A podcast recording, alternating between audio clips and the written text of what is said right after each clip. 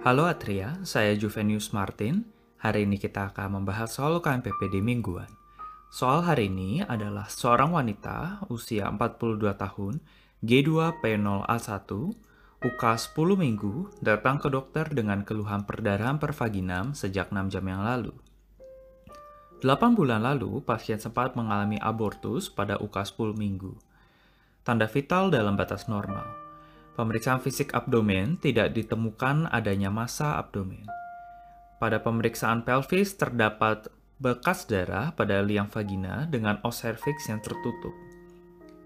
Tinggi fundus uteri lebih besar daripada usia kehamilan dan terdapat massa adnexa bilateral. Pemeriksaan beta HCG menunjukkan konsentrasi 120.000 mili-IU per ml. Apakah langkah berikutnya yang paling tepat pada kasus ini? A. USG transvaginal B. Chorionic villus sampling C. Periksa hormon tiroid D. Periksa serum progesteron dan E.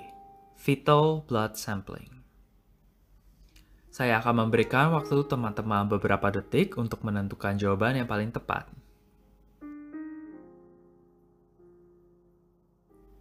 Oke, jawaban yang paling tepat adalah A, USG transvaginal.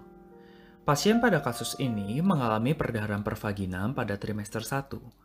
Ada tiga diagnosis banding utama yang perlu teman-teman pikirkan setiap ada soal perdarahan pervaginam pada trimester ini. Pertama, abortus. Kedua, kehamilan ektopik. Ketiga, mola hidatidosa. Pada kasus ini, terdapat gambaran uterus yang lebih besar dari UK. Dari ketiga diagnosis banding ini, hanya satu yang dapat memiliki manifestasi ini, yakni mola hidatidosa. Diagnosis ini juga diperkuat dengan bukti kadar beta HCG yang sangat tinggi, yakni 120.000 mili-IU per mililiter.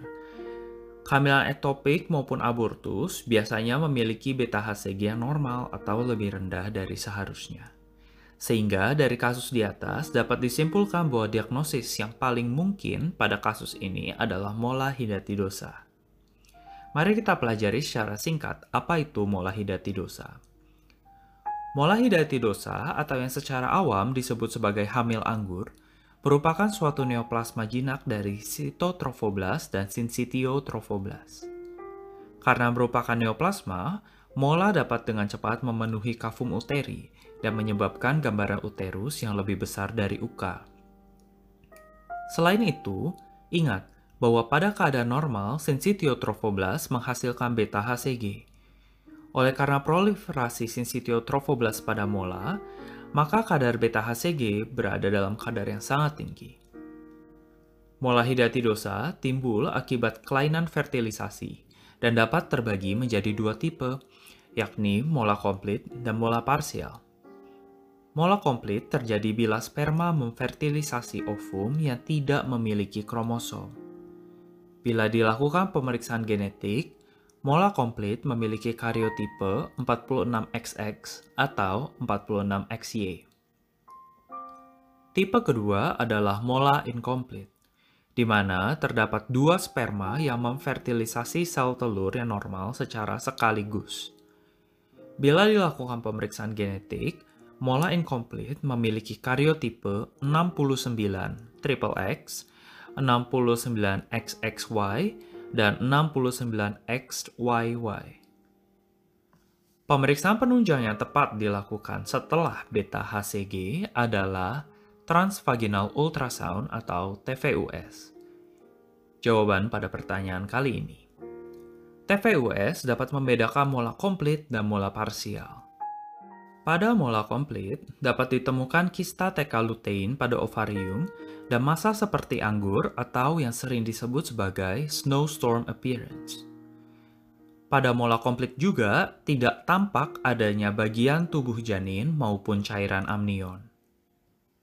Pada mola incomplete, transvaginal ultrasound justru menunjukkan bagian tubuh janin dan cairan amnion. Sekarang mari kita lihat jawaban lainnya. Pilihan B, chorionic villus sampling.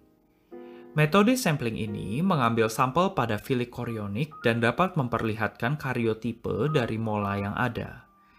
Metode ini juga dapat secara pasti menentukan apakah pasien menderita mola komplit ataupun mola parsial.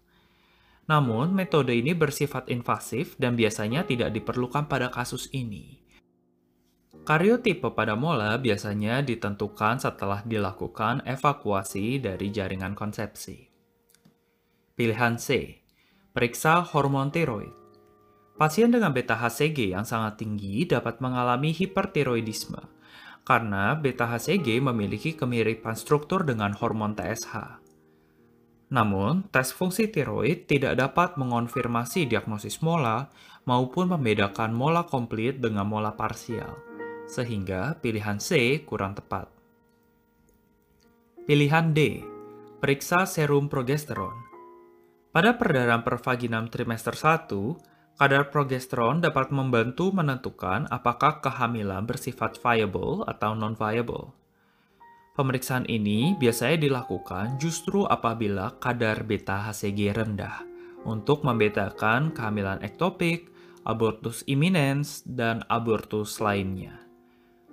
Pada kasus ini, beta HCG dalam kadar yang sangat tinggi, sehingga pemeriksaan progesteron tidak diperlukan pada kasus ini. Pilihan E. Fetal blood sampling.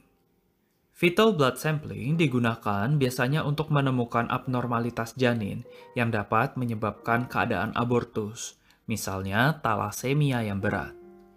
Pada kasus ini tidak diperlukan fetal blood sampling karena kasus tidak mengarah kepada abortus dan sifat tindakan yang invasif.